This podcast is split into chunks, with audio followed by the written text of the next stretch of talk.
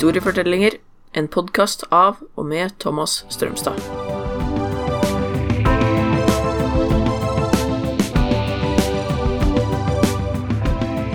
Episode 16 Den amerikanske uavhengighetskrigen.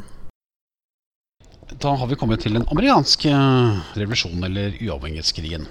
En av de tre store revolusjonene som skulle bringe den vestlige verden videre i en demokratisk retning, det var utvilsomt den amerikanske uavhengighetskrigen.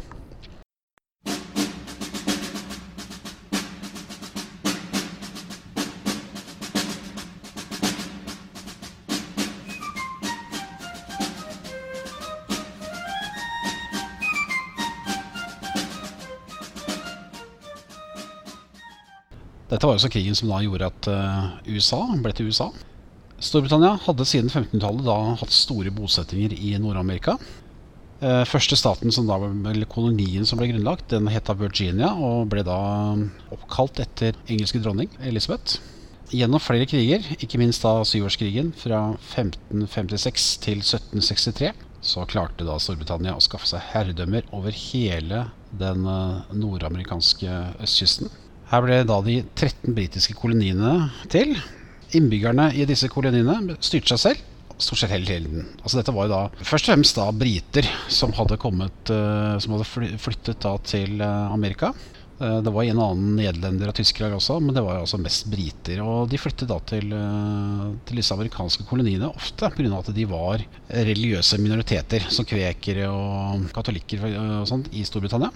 Da flytta de altså til disse koloniene, hvor de da kunne få dyrke sin religion i fred. 13 britiske kolonier ble da til etter hvert. Innbyggerne de styrte seg stort sett selv. Eh, de livnærte seg da ved å selge kaffe, sukker og bomull, og de var da ute etter å selge til de som da ville betale mest. Like fullt var det den britiske moderstaten eh, som da kontrollerte handelen med Amerika og Europa.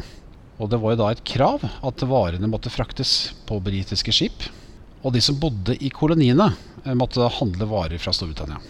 Kolonistene var briter og frie individer, men de hadde ingen representanter i parlamentet.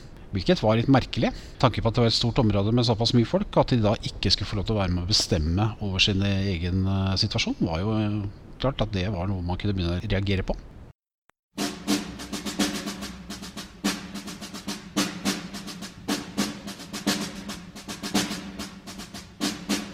Etter den utmålte syvårskrigen, eh, hvor altså Storbritannia hadde slått Frankrike og skaffet seg store områder i uh, Nord-Amerika, så var det også slik at uh, Storbritannia da trengte mer penger.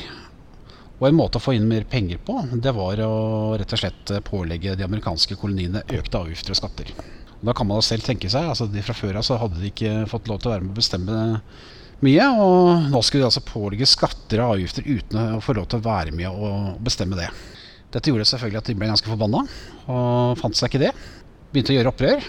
Eh, moderlandet, altså eh, britiske myndigheter, eh, svarte da med å sende styrker over, og i 1775 ble det da krig.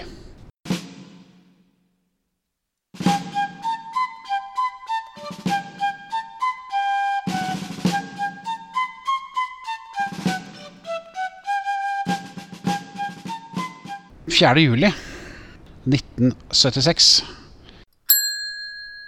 Thomas mener her 4. juli 1776, ikke 1976. Vedtok da Kongressen sin uavhengighetserklæring.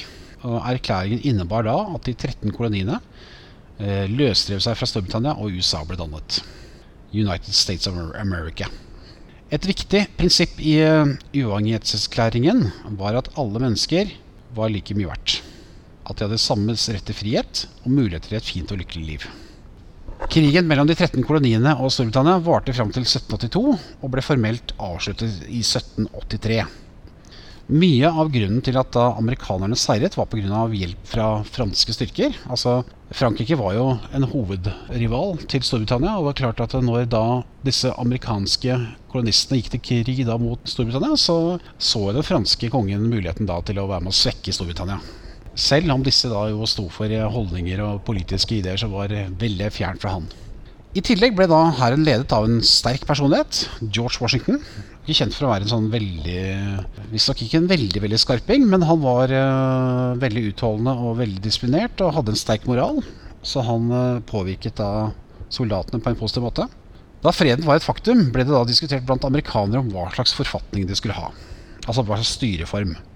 Valget sto da mellom en forfatning hvor hvert stat styrte seg selv, altså en såkalt konføderasjon, eller en forfatning hvor en regjering da styrte over alle statene, en såkalt føderasjon. I 1787 ble det flertall for at USA skulle bli en føderasjon, men at hver stat skulle ha stormakt. I dag ser vi f.eks. at de forskjellige delstatene har rett til å bestemme ganske viktige ting. Som f.eks. om de skal ha dødsstraff eller ikke, eller om de skal innføre mm, ekteskap for likekjønnede. Altså mellom homofile og lesbiske. Selv om den amerikanske grunnloven var et stort skritt med tanke på demokratisering, hadde den også sine mer mørke sider. At den var, den var absolutt ikke perfekt. Den tillot sørstatene å beholde slaver. George Washington var selv faktisk slaveeier.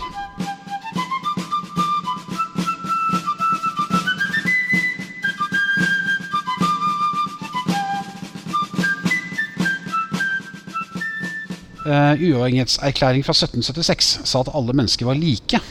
Men det, gjaldt ikke, men det gjaldt jo da kun hvite menn over 25 år. Indianere og slaver ble ikke regnet som fullverdige, så da ble jo ikke de egentlig sett på som mennesker, og da var det ikke noe poeng at de skulle ha samme rettigheter. Når det gjaldt organiseringen av det politiske styret, så ble da makten delt mellom presidenten, som skulle styre, dvs. Si være den utøvende makten, mens eh, Kongressen skulle gi lover, og domstolen skulle dømme. USA besto av mange religiøse samfunn, og derfor fikk ikke USA noen egen statskirke. Vel vitende om at alle krigene som hadde blitt skapt pga. religion i Europa, håpet amerikanerne at man ved å ha en religionsnøytral stat ville unngå å få religionskriger sånn som i Europa. Sånn sett så lyktes jo amerikanerne rimelig godt. Den amerikanske frigjøringskrigen var en særs viktig hendelse, både fordi den var den første store demokratiske revolusjonen, men også fordi den skulle være en direkte inspirasjon for, franske, for den franske opplysningsmenn et av kanskje historiens mest fascinerende paradoks er at militære ledere og adelsmenn som da kjempet i hæren til den eneveldige franske kongen, som da var alliert med de opprørske amerikanerne i krigen mot den britiske kongen, kom da tilbake til Frankrike med nye tanker om samfunn og politisk styring, nemlig ideer om demokrati og frihet for alle. Eh, dette sammen, da den franske, eh, dette sammen at den franske kongen var blitt raka fant etter å ha kriget med amerikanerne, skulle få stor betydning for det som skulle skje i Frankrike i juli 1789.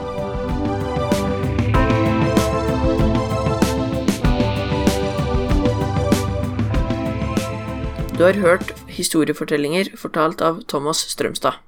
Stein Surland har redigert podkasten, og voiceover er jeg, Rikard Surland.